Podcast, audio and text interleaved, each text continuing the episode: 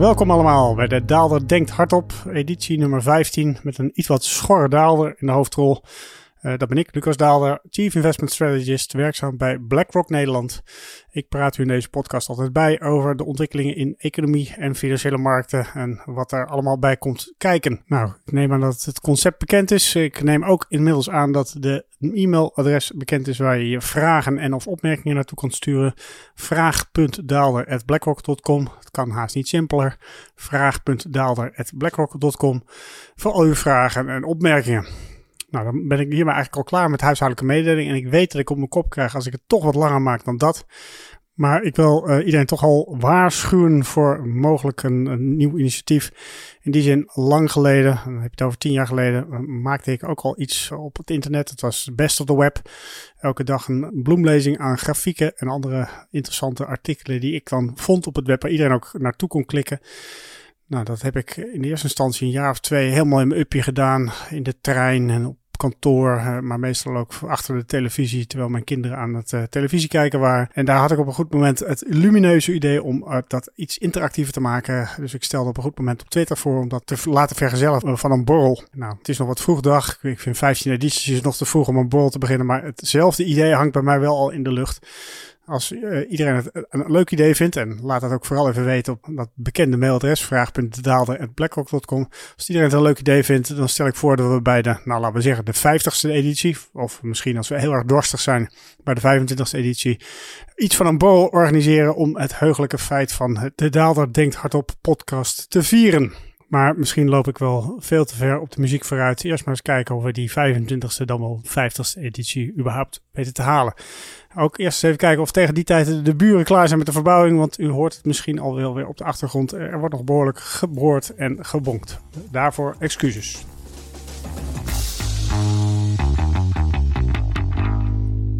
Het eerste onderwerp van deze week is dat de financiële markten er de afgelopen week een heel stuk beter bij lagen dan de week daarvoor en de week daarvoor. We hebben best wel twee zware weken achter de rug gehad. Vorige week dus weer wat herstel.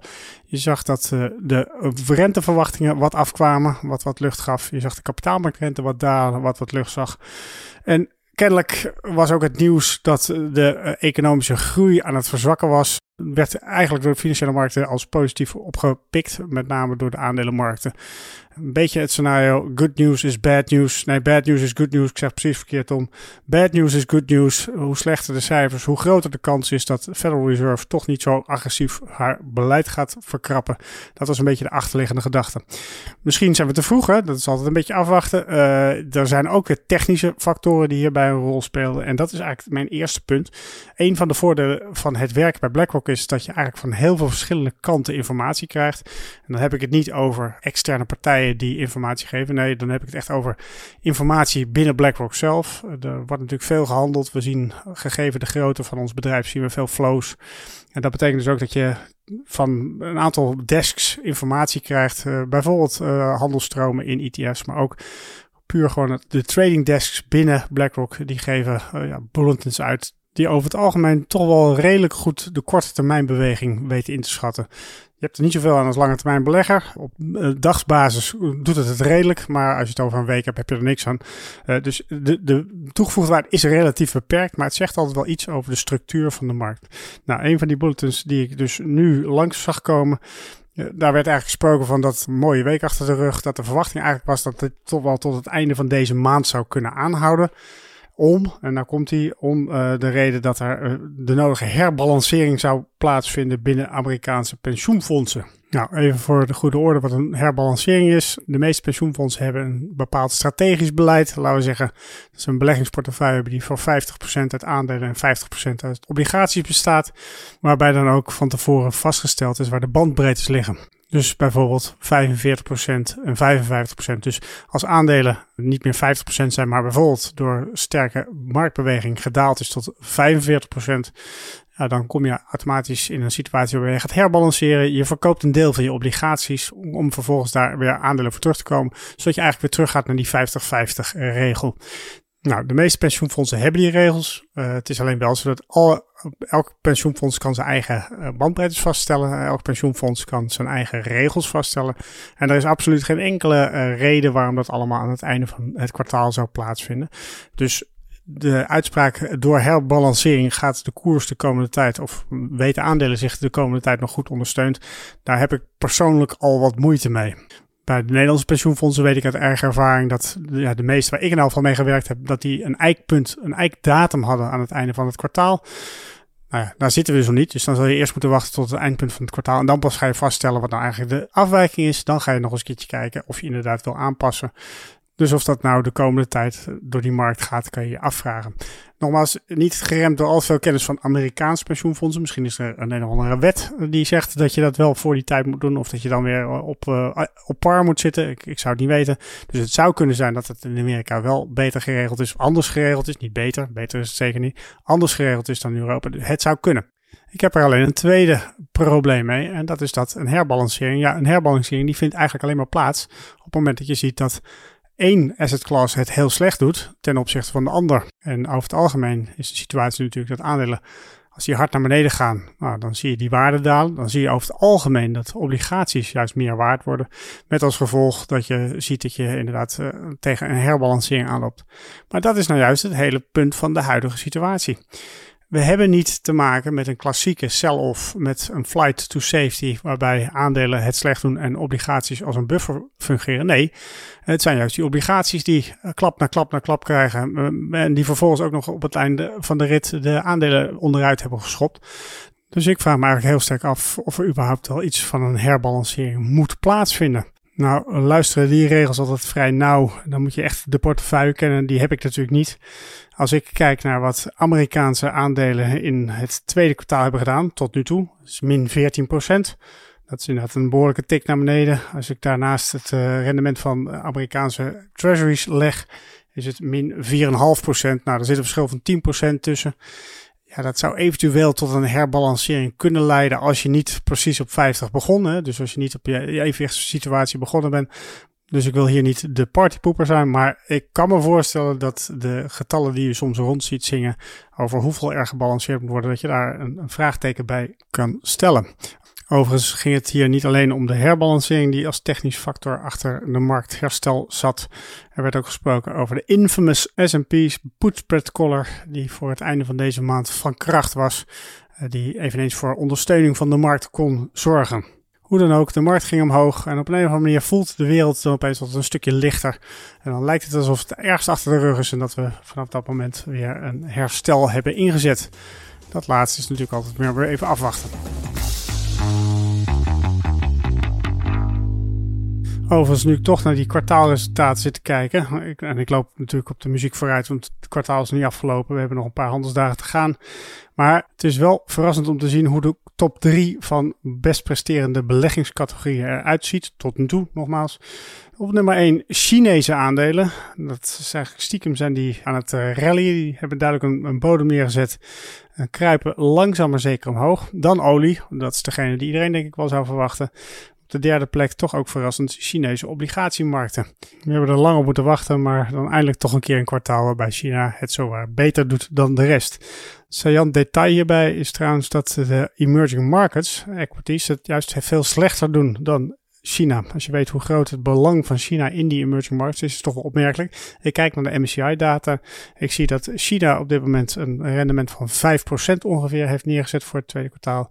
Terwijl emerging markets een verlies van min 7,5% laten zien. Nogmaals, daar zit China zwaar in, in die emerging markets. Dus dat betekent dat de andere emerging markets het heel erg slecht gedaan moeten hebben. Wil je dat gemiddelde naar die min 7,5 krijgen. Ik denk dat je daar nou, sowieso een Rusland-effect hebt, uiteraard. Dus sowieso helemaal uit de index gegooid. Maar voor de rest is het natuurlijk niet echt een marktomgeving waar emerging markets het makkelijk hebben. Oplopende inflatie, geopolitieke spanningen. Bij sommigen zie je ook duidelijk dat bijvoorbeeld de, de wisselkoers zwaar onder druk komt. Denk daarbij aan Turkije. Sterke dollar, hoge kapitaalmarktrentes in Amerika, wat toch een beetje de benchmark is. En dan hebben we het nog niet eens gehad over de gestegen graanprijzen, de gestegen prijzen voor zonnebloemolie en ook uh, inmiddels de stijging van de prijs van bijvoorbeeld kunstmest. Nou is het niet mijn bedoeling om hier als een ultra bear over de opkomende landen te praten. Uh, meestal als je al dit soort headlines ziet, is mijn stelling dat het al voor een groot deel in de prijs is. Dus wellicht hebben we de bodem bereikt en is China het lichtend voorbeeld voor de rest. Dat gezegd hebben, vond ik het wel heel erg interessant. Ik luisterde deze week naar een editie van die Outlaws podcast. Dat is een podcast die door eh, Bloomberg wordt verzorgd en gepresenteerd wordt door Tracy Alloway en Joe Weisenthal. En deze week lieten ze Jay Newman aan het woord, uh, die jarenlang bij Elliott Management heeft gewerkt en dus echt wel veel weet van distressed emerging markets. Nou, zijn strekking, uh, je moet zelf maar luisteren, maar de strekking van het verhaal is in elk geval dat de situatie voor emerging markets nog verder wordt bemoeilijkt door de speciale rol die China speelt. China heeft de afgelopen jaren uh, heel veel geld geïnvesteerd in verschillende emerging markets onder het welbekende Belt and Road Initiative. Maar het is eigenlijk vrij onduidelijk of schimmig op zijn zacht gezegd over hoeveel dat precies is en onder welke voorwaarden die schulden precies zijn afgesloten. Hierbij is eigenlijk de verwachting dat China bovendien een afwijkende positie inneemt. Kijk, Normaal, als er een land in problemen komt, dan gaan alle schuldeisers met elkaar rond de tafel zitten. Het IMF komt erbij. Er wordt onderhandeld en komt men wel tot een afspraak. Waarbij het IMF trouwens uh, geldt als degene die de most senior is in dit soort gesprekken. Die is bereid te helpen, neemt daardoor ook meer risico op zich, maar eh, wil dan ook wel weer vooraan staan op het moment dat er afbetaald wordt. Nou, China kan hier totaal anders in de wedstrijd zitten. Die is niet gewend om op deze wijze tegen dit soort herstructureringen aan te kijken. Dus het kan best zijn dat China niet de kaart op tafel legt bij dit soort ja, eventuele uh, onderhandelingen. En B, ook de houding aanneemt dat zij even senior is, of misschien zelfs nog senior is, voor zover dat een woord is, dan, uh, dan het IMF. Dus dan heb je echt een groot probleem. Ik denk eigenlijk dat de conclusie hier er eentje is die we al vaker getrokken hebben, of die ook wel regelmatig getrokken wordt. En dat is dat het containerbegrip emerging markets toch niet eh, helemaal toereikend is. Niet elke emerging market is gelijk aan de ander. Dat betekent dat als je de groep als geheel beziet, dat er ja, toch een hele duidelijke tweesplitsing zijn tussen landen die wel in de problemen zullen komen en landen die het niet zullen komen. En dat is eigenlijk het onderscheid wat je op dit moment mist als je in de brede emerging market indices belegt. Uh, valt ook wat voor te zeggen dat je juist wel in die brede indices belegt, hè? want dat betekent dat je juist spreidt. Dat je eh, ook een keertje de landen koopt die je anders normaal links zou laten liggen, die eigenlijk al door het dieptepunt heen zijn, waar al het slechte nieuws al is ingeprijsd. Maar goed, de algemene conclusie lijkt toch wel te zijn, niet elke markt is hetzelfde. En om dat allemaal onder het kopje emerging markets te scharen, is soms wat iets te kort door de bocht. Tja, en toen heb ik natuurlijk een fout gemaakt deze week. Ik moest een column schrijven voor het Financieel Dagblad. Ik dacht, nou, het is toch eens leuk om ook hier melding te maken van de rubriek waar we het met z'n allen te weinig over hebben. Met als gevolg dat ik natuurlijk in die rubriek ook iets heb moeten vertellen waar we het wat mij betreft te weinig over hebben. Nou, op zich was het een onderwerp wat ik hier ook al een keer genoemd heb. Misschien nog niet zo goed heb uitgewerkt, maar in elk geval wel genoemd heb. En dat is dat ik vind dat we het eigenlijk te weinig hebben over wisselkoersen. Nou, ik zal deze uitwerking hier achterwege laten. Ik verwijs daarvoor naar het artikel in het Financieel Dagblad. Het artikel van deze woensdag, dus dat zal 29 juni zijn, 2022. Staat het artikel. Mocht je het missen, nou blijf dan gewoon luisteren, want ik ga er volgende week misschien alsnog op in. Eén uh, doordenkertje in elk geval wel, vond ik wel aardig. Uh, als je puur kijkt naar welk land, welke beleggers op dit moment de beste beleggingsresultaten hebben behaald door in Amerikaanse aandelen te beleggen zonder dat ze hun wisselkoersrisico hebben afgedekt. Dat zijn natuurlijk de landen die een hele sterke daling van hun eigen munt hebben gezien. Of als je het op wil draaien, die een hele grote stijging van de dollarkoers hebben gezien. Het voorbeeld wat ik daarbij aanhaal is uh, de yen. De yen is 18% gedaald in waarde ten opzichte van de dollar. Nou, de S&P 500 is ook ongeveer 18% gedaald in waarde. Dus als je dat allemaal terugrekent, dan zie je dat een Japanse belegger in aandelen die zijn wisselkoersrisico niet heeft afgedicht. Wel belangrijk trouwens, dat laatste. Eigenlijk helemaal geen slecht jaar achter de rug heeft. Misschien een licht verlies. Telt niet precies op tot nul, maar de orde van grootte is niet heel erg schokkend. Belangrijkste takeaway hier. De regel is hoe zwakker de munt, hoe beter het resultaat als je belegd was in Amerikaanse aandelen en het wisselkoersrisico niet had afgedicht. Nou, met dat gegeven hier achteraf kan je natuurlijk gaan kijken van welke landen doen het dan heel goed. Turkije is een goed voorbeeld. Uh, die Turkse lieren die blijven natuurlijk in een vrije val uh, naar beneden gaan. Maar de plotwist, de doordenkertje, is uiteraard dat de winnaar van het moment zijn de natives in een Bitcoin land Ik weet niet of die bestaan, maar mochten ze bestaan en ze inderdaad volledig in bitcoins denken, leven, betalen en rekenen, maar toch een deel van hun beleggingen in Amerikaanse aandelen hadden belegd, dan hebben ze op dit moment een heel mooi rendement. Want de zwakste munt van het moment is natuurlijk Bitcoin. En nou, nou, de zwakste. Er zullen vast nog wel wat andere crypto's zijn die het nog veel slechter doen dan dat. Maar goed, dat was meer een spielerij uitstapje. Waar we hebben het wat mij betreft te weinig over deze weken. Nou, het is wel interessant. Dat is de staats swap spread. Nou snap ik ook gelijk waarom daar niet heel veel aandacht naar uitgaat. Want iedereen heeft altijd zoiets van wat voor nerdy onderwerp is dat nou? Dat is het tot op zekere hoogte ook echt wel. Uh, maar we kijken hier in principe naar het renteverschil tussen de swapmarkt aan de ene kant en staats aan de andere kant. En wat zie je op dit moment? Dat die spread op dit moment op het, het hoogste niveau staat sinds nou bijna eigenlijk all time. 80 basispunten. We hebben tot nu toe één keer eerder een, niveau gehad. En dat was heel tijdelijk, wat daar net boven lag. Zo'n 85 basispunten. We zitten nu al een tijdje ja, op die piekniveaus rond de 80 basispunten. Nou, als je dit aan collega's meldt, vraagt, dan zal de algemene reactie zijn: ja, dat komt door de Italiaanse staatsobligaties. Die zijn aan het oplopen, die spreads. En, dat zie je dus ook terug in die staatsswapspread.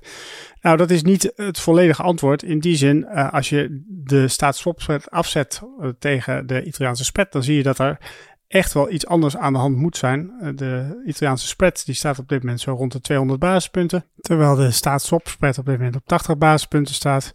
Nou, in 2018 stond de Italiaanse spread op 300 basispunten. En toen kwam de spread niet boven de 60 basispunten uit. Je kan ook verder teruggaan eh, naar het moment van de eurocrisis, 2012, 2013. Toen zag je dat de staatsswap op 80 basispunten stond.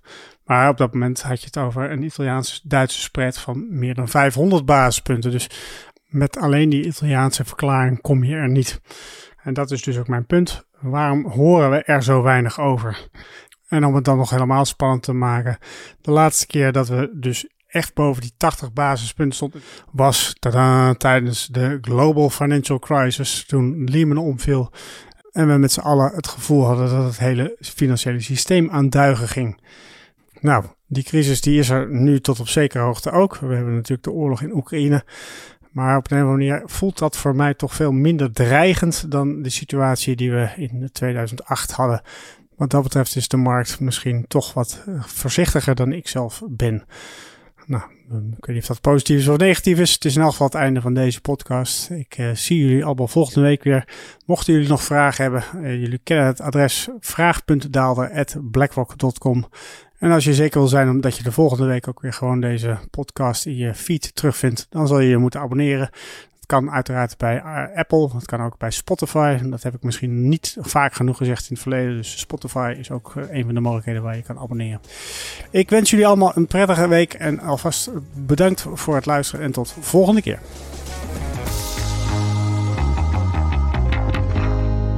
Risicowaarschuwingen. Beleggingsrisico. De waarde van beleggingen en de opgebrachte inkomsten kunnen variëren. Het is niet zeker dat u uw oorspronkelijke inleg terug ontvangt. Dit is een marketinguiting. In het verleden behaalde resultaten geven geen betrouwbare indicatie van het huidige of toekomstige rendement en dienen niet als enige criterium te worden genomen bij de selectie van een product of strategie. Veranderingen in de wisselkoersen van valuta's kunnen ertoe leiden dat de waarde van beleggingen stijgt of daalt. Deze schommelingen kunnen bijzonder sterk zijn bij een fonds dat blootstaat aan een hogere volatiliteit en de waarde van een belegging kan plotseling en zeer sterk dalen. De fiscale regelgeving waaraan beleggingen onderworpen zijn en de hoogte van de belasting kunnen in de loop der tijd wijzigen. BlackRock kan op elk moment besluiten een fonds niet langer aan te bieden. Belangrijke informatie. Deze podcast is alleen bestemd voor professionele beleggers volgens de MIFID-richtlijn. Andere personen dienen niet op de hier geboden informatie te vertrouwen.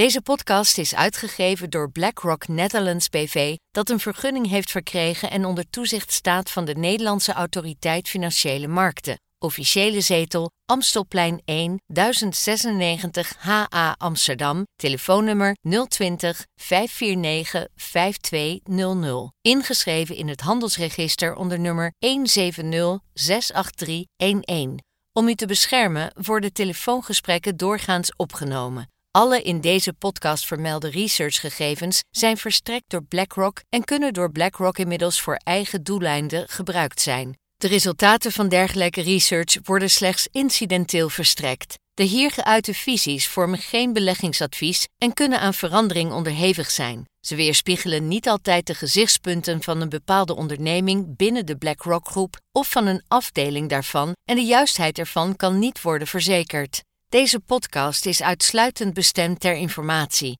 Het vormt geen aanbod of uitnodiging om te beleggen in een van de fondsen van BlackRock en is niet opgesteld in verband met een dergelijk aanbod. Copyright 2022 BlackRock Incorporated. Alle rechten voorbehouden. BlackRock is een geregistreerde handelsnaam van BlackRock Incorporated en haar dochterondernemingen in de Verenigde Staten en daarbuiten. Alle andere handelsnamen zijn van de respectievelijke eigenaren. Deze podcast mag niet worden verspreid zonder toestemming van BlackRock.